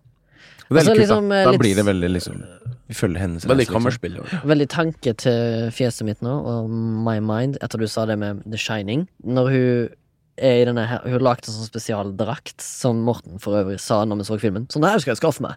Og så, eller sånn her, sånn her skal jeg lage meg. Og det hadde vært jævlig kult hvis du lager en sånn en. Og så kan vi Jeg skal- selge, jeg skal selge det som merch. Jeg skal komme sånn på uh, maskerade Maskeradeball, holdt jeg på å si. Ja. Jeg er også med 1920. Uh, ha Halloween. Halloween, fuck it. Det går igjen, altså. Maskeradeball. Det er Maskeradeball. svært, eh, et svært bra maskeradeball fra 1920. Uh, anyways, uh, når hun går gjennom den gangen Det heter Anyway, by the way. Jeg tar tilbake at jeg sa Anyways, for det er ikke et ord. Det heter Anyway. Anyway. Og jeg skal fram, jeg skal også fram til noe etterpå Uansett. som gjelder Uansett um, Uansett, Uansett. Anyways. når hun går til Darren, da, altså denne her daten sin, når hun har på seg den spesielle drakten, så går hun gjennom en sånn maze-like labyrint, som er for s nesten på slutten av filmen. mm, Og det er jo samme som i Shining. Mm. Og så jeg tror det, det er to ting her som minner meg om Og ja, det kan være at det er søkt fra meg, og det er et bra ord du brukte nettopp, Morten. Det er to ting som minner meg om Kubrick sine verker. Det er den der The Shining-greiene, mental helse, og så er det der The White Space. Som minner meg om 2001 Space Odyssey. På slutten. Mm. Uh, det var egentlig bare det. Men det Og- men det, du, det var litt artig at du For når du sier det, nå, så kommer jeg på det. For at Ja, det er sant. Det er jeg føler jo Jeg sitter jo man, For at det er jo så ferskt i minnet at liksom, man sitter og analyserer det fortløpende. Vi kan, vi kan nesten se den på nytt her for hver for oss, og så prøve å snakke om det andre gang bare i fem minutter. Men i den, i den labyrinten hun går inn i, ikke sant Mhm. på, på slutten der, så går det jo Det går jo fra det hvite, og så går hun inn i det oransje, og så blir det liksom nesten, går det nesten i svart, og så blir det jo grønt. Og når hun kommer til døra hans, så er den grønn. Ja. Så det er nesten som at de på en måte prøver å si det at liksom at At det sunneste for henne har vært å ha fått et sunt forhold liksom til altså en, en kjæreste. Til til kjæreste, ja. ja. Så liksom det var der egentlig det skorta. Ja. At det, liksom, det de skal fram til, liksom, er at ofte det er sunt, da. Ikke det at han skal bli en slags player, for det er jo ofte det som skjer. Sånn at, får- at de Ja, blir men han, player, liksom. han Darren virker som en genuint Ja, ja. Opp, en, en genuin fyr, da. Ja. Som ikke var ute etter noe annet enn å henge med dama. Virker som de passer så godt i lag. Første Ja. møttes, liksom. Men det skal jeg frem til, da. Måten folk i California og LA snakker, er så jævlig irriterende. Mhm. De har sånne vocal fry, og så er det mye like, like, like, you know. Så når han begynte å snakke om noe sånn derre uh, Like the music, like I'm living like over there and like stuff, you know. Når, Mm. de- når de begynner å snakke sånn som det, da kjenner jeg at Men det var kanskje Jeg jeg tror det var dør sånn innvendig, men alle gjorde det. Det Til og med sånn- hun sjøl, Sarah, snakker sånn derre Like, I don't know, I like working here Mm. and stuff at the Great Lengths and you know, like Ja, bare, Oh my sånn, god, eh, det er så jævlig å høre på sånn Valley Girls Det virker som de gjort litt med vilje. og Og det var og humoristiske innslag, så syns jeg han kjæresten til romvenninna var den gøyeste. Han Ja. rappen. Ja. Altså, da var det der Stone i Dusten. ikke faen for noe. Fank, jeg flirer, altså. Ja, Det var jo kul. Uh, you know what I realized? We're not listening to music. Maybe we should listen to my album. han var for meg gøy, ass. Ja, det åpna sterkt sånn rent komisk, men så gikk det ned i en dyp, dark well. Og så er det litt sånn gøy at helt i starten av filmen så får vi på en måte et frampek på slutten. Ja. Og det, det, det stussa litt på Being Over Here. Uh, om jeg prøvde å si det, men det var liksom sånn liksom det at uh, Kanskje det er det liksom det at uten ordentlig liksom hjelp, så går det bare én vei med psykisk syke. Ikke Men sant? er det ikke, har ikke Så du har egentlig ikke trengt å visst filmen, ikke sant? for at hun kom til å feie i skogen og ta livet av seg sjøl uansett. Jeg, jeg, jeg Er det mener sånn det du at det? Ja, det kunne være det. Men jeg tolker det liksom sånn litt sånn Arrival-aktig. Ikke det egentlig, men hun mener jo at hun sjøl er en klone av sin egen bestemor. Det er det hun tror sjøl. Liksom sånn at det går tilbake til begynnelsen, da. Til Mm. eh, back to the loop. into the loop. Ja, men det, jeg tror også det var litt sånn effekt for å liksom throw folk over at det skulle liksom være litt Som vi snakka om det, at du skulle kunne se det her som en film der oh, Er jo klon, eller er jo ikke klon? Ja. For liksom Altså bokstavelig. Du, du vil ikke at folk skal tro at den er bok- bokstavelig? Nei, men jeg tror kanskje folk Jeg tror kanskje de har gjort det sånn at du kan tolke det som en sånn film. Er det ufo, eller er det ikke ufo? Er jo klon Ja, eller ja, ikke ja. klon? Ja. Mens vi tolker det et nivå ikke høyere, men et nivå annet, ikke sant? Mm. Et helt sidespor. For jeg tror at veldig ofte, nesten un ubevisst, så handler sånne filmer om ting, andre ting enn det de egentlig handler om. Ja. Det, det sa jo til og med Kubrick da de spurte han i intervju. Hva er liksom, hva er det symbolikk du er? Hva snakker om symbolikk? Hva er det symbolikk? Han ble dritsur når de snakka om det. At han måtte forklare symbolikken i for eksempel i The Shining og i, i, i Han var jo notorisk sånn enigmatisk, da. Jo, jo. Og jo, så autistene klarte nesten ikke å, å knyte skoen. Og så var han jo sånn mester eh, seis... Ikke seismolog, men hva heter det når du er ekspert på kode Kodebruk og symbolbruk. Jeg husker ikke hva det heter, men eh, Og i og med at liksom, vi fulgte henne så tett og nære, og det, på en måte, hun var nesten i alle scenene, så følte jeg at på en måte, hennes sannhet ble min sannhet òg. Så i hennes på en måte hode, da, som det vi så, sånn som på slutten hvor hun på en måte blir abducta, så aksepterer jeg det som om det på en måte er sant i filmens univers, da, hvis du skjønner. At ikke at på en måte, hun ble abducta av aliens, men hvis det er det hun tror i hodet sitt, så er det liksom det, så, så er det sånn det Ja, jeg, er. ja, ja. At ikke at hun hun, blir det, men at liksom hun, hun på en måte ble lost i sin jeg tror hun hoppa ut i tjernet, jeg, altså. Jeg tror at eh, Nei, Jeg tror det er lysene der Det er lysene som ser ut som en ufo. sånn, så Det tror jeg var liksom sola som ble reflektert gjennom vannet. For det er jo en annen ting eh,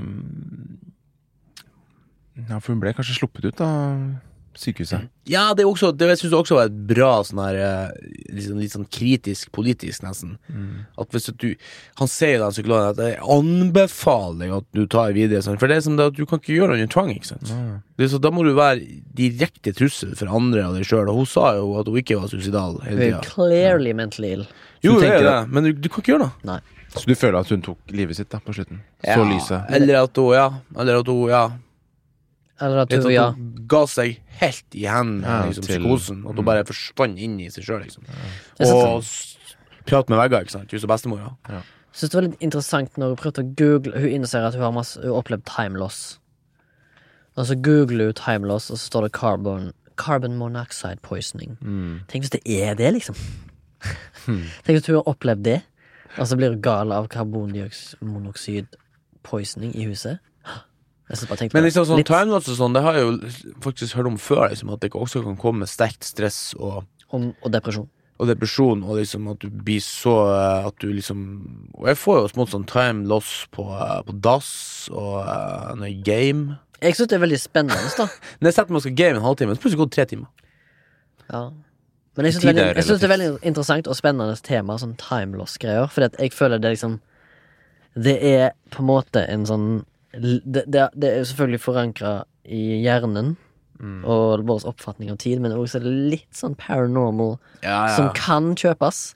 Det er litt sånn eh, Det er litt plausible, da. Altså, de, de, de, de råeste gåsehudøyeblikkene jeg husker for jeg så på sånn her eh, På TV3 da jeg var sånn ti-tolv år, på sånn her uh, ab, Alien abduction. Alien abduction stories. Det var sånn her en far og en sønn som kjørte gjennom sånn svart skog med sånn pickup Tatt ut av uh,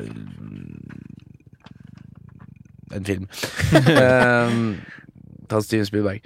Så eh, liksom bare sånn ah, kom det så sterkt lys over deg, og så bla, bla, bla. Og så, så han, og så plutselig så han på klokka at liksom det har gått fem timer. Så og av en grunn fikk jeg så Jeg kjenner Den dag i dag så får jeg sånn gåsehud av. Ja, ja, det er For liksom det der at liksom På en måte man på en måte must tid sånn uten at man At, at liksom Bare i løpet av noen sekunder Det virker så Det virker så jævla mystisk. Close Encounters of the Third Ja, Kind. der eh, Når han Den liksom på det der så jeg så mye da jeg var liten, men jeg skjønte ikke filmen. Jeg syntes den bare var så f- Jeg ble så oppslukt i den. Ja, det er Sånn som sånn når, han ikke- bygde det ja. ut av potetmos. faen. Det er skikkelig, det er skikkelig jævlig, ass. Den er nasty, ass! Mm. Ikke nasty, men som barn, når jeg så den, Mm. så tenkte jeg bare Dette er det mest spesielle jeg har sett noensinne. Som niåring, eller hva faen jeg var. Spillberg er Altså, den, rå, ass. Jeg så den på 17 millimeter, og jeg hadde aldri sett den som barn. Altså. hadde er blitt ødelagt for life. Ja, men For den er jo den er, creepy. Ja, ja, men akkurat det som eh, Morten forklarer nå med, med gåsehud og liksom Mm. sånn der nostalgic sånn time, Det timeless-greiene har alltid vært så jævlig fascinerende for meg. Når jeg hører sånne Jeg, kan, jeg, hører på en podkast som heter Mysterious Universe, og de snakker litt om sånn fenomener som det, da. Sånn timeloss og liksom De tar opp saker om folk som har blitt abducted by aliens og sånn. Men det er jo reelt. Ja, ja, men jeg syns det Altså, det er spennende, da. Det er jo Timeloss er veldig knytta til alien abductions, iallfall. Det er jo um, Einstein har jeg funnet ut av det.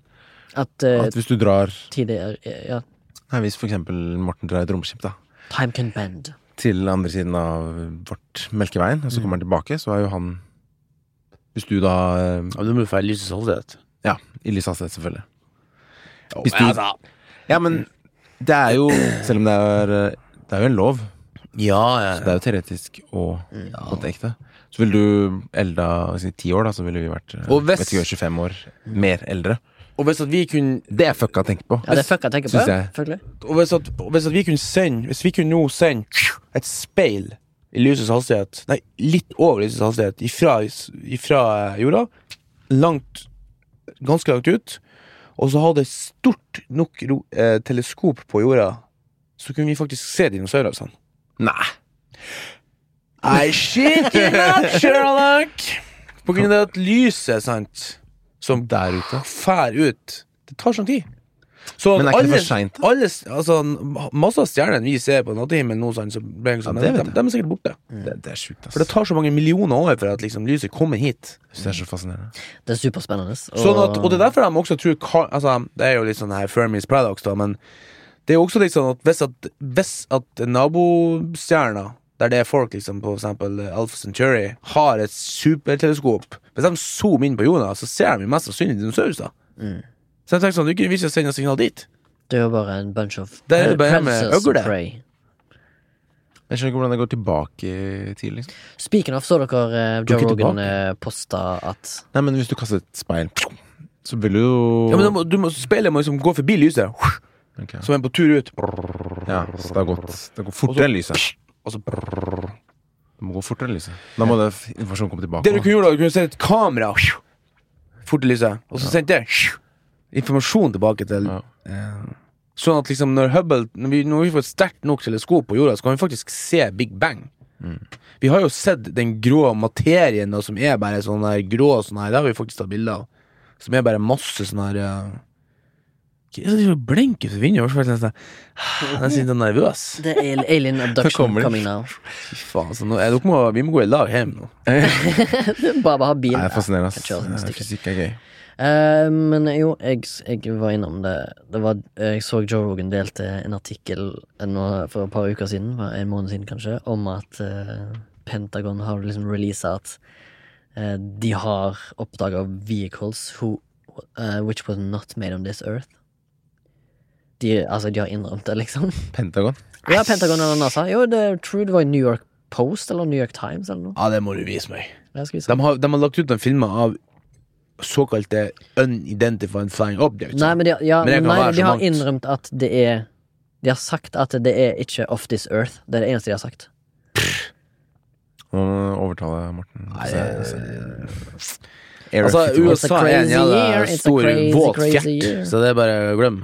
Det må spreng hjem og dusj En våt fjert.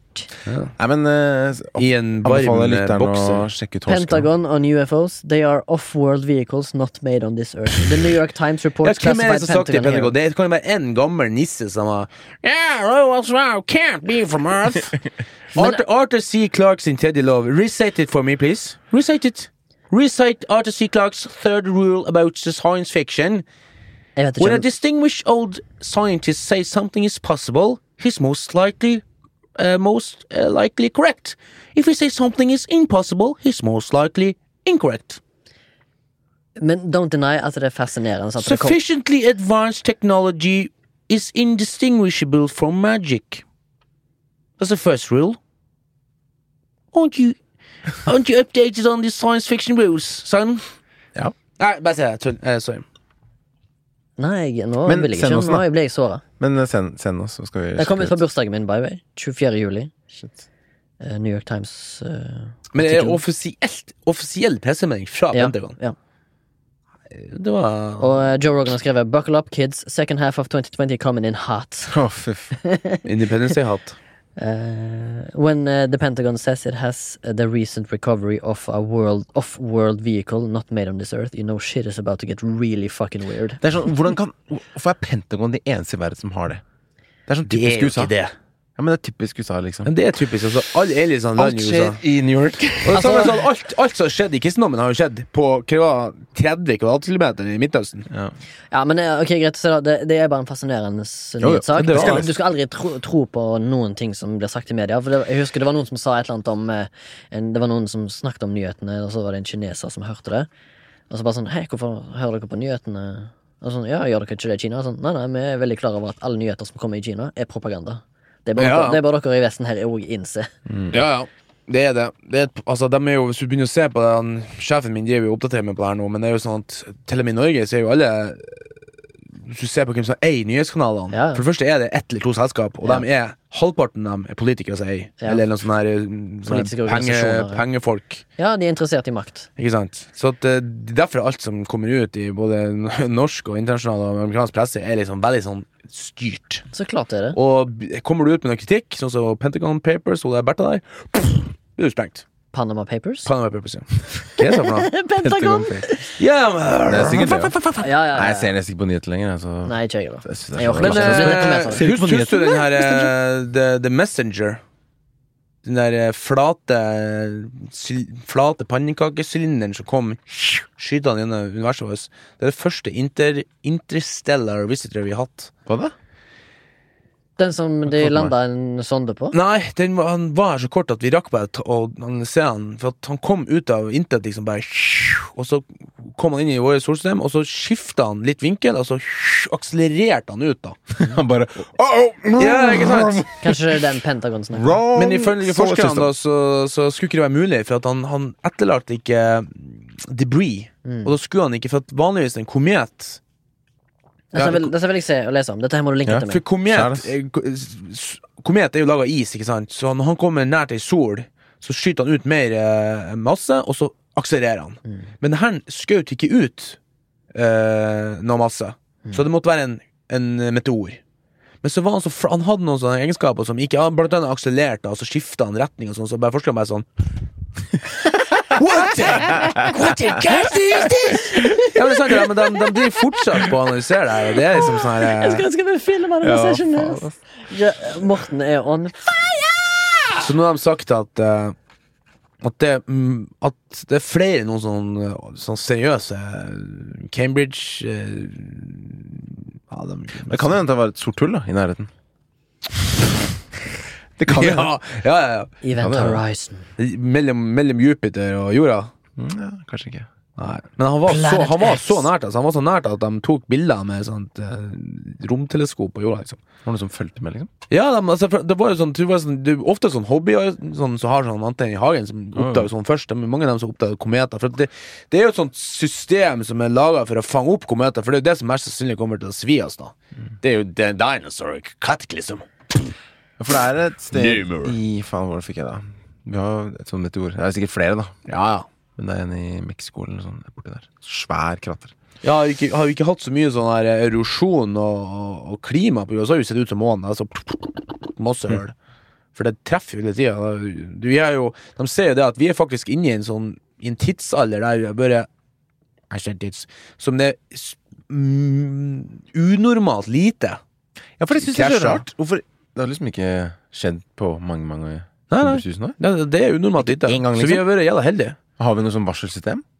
De uh, blir ikke enige. vet du. De er driver jo fortsatt Kommer det en krig om mot Oslo? Evakuer? Er det noe sånt? Det er en film nå som kom ut nå om det. Ja. At jorda går under. Greenland. Ja. Sånn en katastrofefilm. Men Norsk? eh, det er jo mm, Nei, det er en utenlandsk. Amerikansk, heter det. Eh, Men det er jo en grunn til at vi, er, vi lever i dag. Vi er liksom sånn at the right time, the right place. Mm. Det er derfor vi bor på jorda, liksom. Det er derfor det er liv på jorda. Ja, du, er en, du er en av Fordi millioner av år med Ja. evolusjon er jo bare en fucking dråpe i havet i universets historie, da. Det er også det de ser litt om det her Fermis Paradox. At en av grunnene til at ikke vi har fått kontakt av annet liv, er på grunn av at vi har vært heldige og overlevd så lenge som gjort. At det ikke har vært en kataklysme. På grunn av at det er så mange kometer og dritt og lort som suser rundt i jorda at det, det er bare et tidsspørsmål nå, for vi, vi skviser, liksom. Altså at eh, Altså eh, vi, på, vi rekker ikke å bli nok avansert til å ta kontakt med naboplaneter. Mye, men mye brenner vel opp i atmosfæren. Sånn mindre ting. Jo, jo, jo. Men ikke sant, altså, vi tror jo vi har levd det Å, herregud, thousands of years! Ikke sant, Men jorda er liksom fem milliarder år gammel, cirka, pluss minus take, give 100 millioner år. Det er ganske mye. Universet er liksom Altså, det er så, altså milliard år, er så- det er så lang tid. Det er derfor jeg mener at det har kunnet funnes eh, avanserte sivilisasjoner på jorda for eh, 10 000 år siden. På grunn av at hvis at vi sier sånn her Ja, mm, mennesker kom liksom imellom 10 og 12 000 år, ja, så sier det sånn ganske sikkert. Men det, der er det liksom 3000 år som liksom kunne ha vært Som vi er litt usikre på. Vent litt, Har ikke de funnet menneskelevninger? Jeg vet ikke at mennesker har eksistert i sånn 300 000 år? Jo, men ikke sånn som har bygd pyramider og Ja, sånn, ja. hatt avanserte vanningssystem og rennende kloakk, og sånn som vi hadde egypterne hadde, og estekerne og inka-indianerne og sånn. Og vikingene. Ja, så at det her han som er liksom har bygd For eksempel så noe en sånn kort, bare for å introdusere Cecilie til det her, så så vi en sånn kort en om eh, The Megalithic Era, der de liksom snakker om uh, Baalbek. Det tempelet Baalbek som uh, romerne bygde, som er liksom the Jupiter of uh, the Castle of Jupiter og sånn her. Det er jævla flott byggverk, og romerne var helt rå på det. Men i bunnen der så ligger det tre blokker som er 1000 tonn hver. Som ikke passer inn med resten av liksom, byggverket. Og det er en helt annen type liksom weathering, altså Hva? Ja, de, de ser gamle ut, da. De har liksom eh, erosjon, som det heter på norsk. Mm. Og de har en annen type koblingssystem og sånn, og de er bare De er ikke på hele, de er bare litt. Så de er, de er bygd av noen fra en tidligere sivilisasjon. Og så kom roma- romerne just som Ta og Se på uh, Machu Picchu og altså Inka-pyramiden i Peru og Bolivia. Det her er Og Gobekki Te- Tepe, eller hva det heter. Den God- er tyrk. Godebli har de faktisk ikke. Det, det er bare weird. Mm. Og der, der måtte du fortelle med mainstream-arkeologene innrømme at det her må være eldre enn 10 000 år. Ja, det er 12 000-13 000, er det Ja, ikke? sant? Mm. Og det, det der er bunnen, vet du. Men de holder igjen på grunn av det at hvis vi innrømte i dag, Så må vi forandre historiebøkene. så må vi forandre historiebøkene. Og hvordan historiebøker? De religiøse. Og det er det som er problemet. At vi, De klarer ikke å legge slipp på den eh, politiske makta de har fått nå gjennom religion. Dette er virkelig horse girl og sånt. Ja, men det er bra, Det det. er veldig Det kult. er, det, jeg eh, det er jævlig spennende. Skal- skal- må starte en gang en podkast til, tror jeg. Ja, Om sånn univers og sånn. man kan altså, få. Mortens kosmiske folkeopplysning! Ja, men det er spennende. Kosmono Eh, kosmonautene. Men uh, send de to linkene, så kan vi legge det i show notes. Det kan vi gjøre. Om Pentagon og The Flat Object, hva den het? The Messenger. The Messenger. Og det høres så spennende ut. Timeless Messenger, UFOs. Fuck. For jeg ble gira på Pentagon. Det må jeg med, altså. Ja, jeg skal Eh, sende det. For å gjøre eh, slutten kort, så drar jeg i gang min under radaren. Ja, gjør det, please. Som uh, dere mente ikke var så under radaren, men jeg tar den uansett. For jeg kan gjøre hva faen jeg vil. Det kan du. Det er i hvert fall min under radaren. Fordi eh, jeg eh, i min eh, Sånn som jeg snakka om uh, min forrige under radaren, som var eh, Lost in Translation. Mm. I min unge tid, før jeg gikk på filmskolen og alt det der, så hadde jeg jo en harddisk med nedlastede filmer. Og da, kom, da brukte jeg ofte det der topp 100, topp 250-listene på IMDb. Ja. Og bare sånn, ok, det må jeg se, det må jeg se, det må jeg se. Mm. Og så en av dem var Leon the Professional av Luc Besson. Som også lå drithøyt oppe. Eh, men jeg skjønner Jeg syns det er litt rart at den har lavere critic-score enn liksom user-score. Mm. Eh, som jeg syns er eh, Var en film som liksom eh, jeg, jeg eh, på, påvirket. Ut Hva kan man det? Affected me deeply. Eh, for jeg syns den var så sterk, og jeg syns det var så fin historie mellom denne gamle Gamle snikmorderen, da. Og som, jeg husker ikke hva han spilte. Han du, du, du, Skal finne ut, da. Natalie Sean Portman. Renault. Jean Renault. Mm. Og Natalie Portman. Jean Renault, ja. Mm. Mm. Eh, som var sånn, sånn far-datter-forhold, liksom. Som manglet det, da. I sine på en måte, Natalie Portman hadde jo De vokste opp i samme bygg. Eller de bodde i samme bygg. Mens hennes far og mor var um, I hvert fall spesielt faren var ganske Eh, ikke en god far, da, kan man jo si. Ja. Han var òg in the drug game. Ja, Hvis ikke husker feil. Eh, så treffer hun på han Jean Reno, da, som er en sånn Nabo. nabo, men også en Lyssky fyr. lyssjåfør. Nå tar jeg alle ordene. Nei, men det er bra, da, for det, er- som sagt, det er lenge siden jeg har sett den filmen her. Eh, men jeg syns det forholdet deres var så nydelig, for det det var, var veldig bra. det var liksom ikke seksuelt, men det var, det var kjærlighet. Basert på kjærlighet, ja. Basert på kjærlighet, men ikke seksuelt, da. Eh, som på en måte var litt sånn som Lost Translation, liksom på vippepunktet til for mye, men akkurat perfekt, da. Den er veldig bra, at de to karakterene complete hverandre så godt. Veldig. Altså, hun ler av han, og han ler av hun. Mm. Og så handler det liksom om karakter. det, Mm. og så er det en veldig sånn eksplosiv avslutning på hele helheten, da, som bare Og så er det en kul, kul villain Ja. i Gary Oldman. Gary Oldman. Ja. Jeg har et sitat fra filmen. Når han er helt rolig, så ser han at alt har gått liksom down. Uh, the shit has hit fan for han. Så sier han til han associaten sin Get me everyone. Og så sier han altså, What do you mean everyone? Everyone! Sånn han og brøler i trynet hans. For John Reno er en jævlig god Ja, Gary Oldman. Ja, men han må hente alle fordi John Reno Ja, ja, han alle, er insane, ja. Insane. Insane Men eh, det jeg liker Det jeg husker liksom likte jeg liker jo hele filmen i sin helhet, men bare sånn Gjorde så inntrykk, da. Bare det forholdet og historien til de to, og den var så fin, da. Mm. Og den, øh, den må ses. Altså. Hvis du ikke har sett den, så er det en film verdt å se. Og jeg så den aleine. Ofte så får jeg best filmopplevelser aleine. Ja, det Mange ganger, er helt sant. Sånn har jeg det ofte òg, for det er full konsentrasjon på filmen. Så syns jeg det er litt synd at han Luc Besson ikke har lagd øh, noe særlig bra altså. Valerian, liksom. Ugh.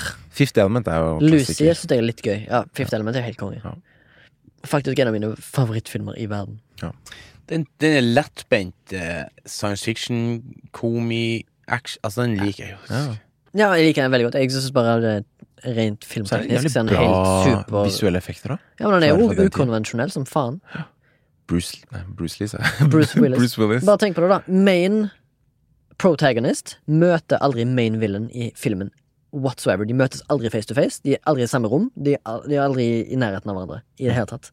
Og den skrev Luke Besson manuset på når han var 16 år. Kødder du med meg? Jeg kødder ikke med deg. Ja, det var takk for nå. Ha det bra. ja, det er sjukt. Mm. Kult. Nei, eh, Leon. The Professional. Og jeg vet at det fins to versjoner, tror jeg. Mhm. En Director's Cut og en vanlig, eller noe sånt. Jeg har kun sett den vanlige. Syns den var perfekt. Mm. This podcast is Produced by produced by Zentec. And we have uh, Mr. Zondre, Zondron. Zondron Myrhol, som fikser vår uh, lyd og gjør oss uh, vakre. Spesielt når vi er i studio. Ja. I dag er vi i Åh, studio. det var digg, ass. Det er godt å være tilbake, gutta. Jævlig deilig. Jævlig deilig. Morten har sine deilige rants, han har masse Ja, energi. faen, faen. Akkurat nå står han og stirrer ned i telefonen sin, da, men det går fint, fordi at Nå har kaffen gått ut av huet. Pentagon Task Force. De har starta det opp på nytt. Operation Hva husker dere hva den heter? Operation Blue Book. Blue Book, ja. Eh, hvis du vil sende oss inn et eh, spørsmål, så er vi å finne på Instagram og på mail. Flashback at soundtank.no. Og på Facebook. Please send oss en mail. Ja, gjør det. Takk til Jon, som tipsa oss om eh, Horse Girl. Yes, Bra god film. tips. Gå God og film. se. Gå og se. Og diskuter. Ja. Um, og så tar vi imot økonomiske bidrag på Vips Don donations. Donations. Tenk at vi sitter her halv elleve på kvelden og spiller inn podkast for at dere skal få Gratis underholdning i, i fjeset. sovner eh, på mikrofonen. Ah, Oi, flua! Katt som plager meg i natt. jeg Det bare søker på uh, Soundtank på Flashback, så finner du oss. Og for å si det mildt. Ja. Cool. Takk. Ha det. Kos dere.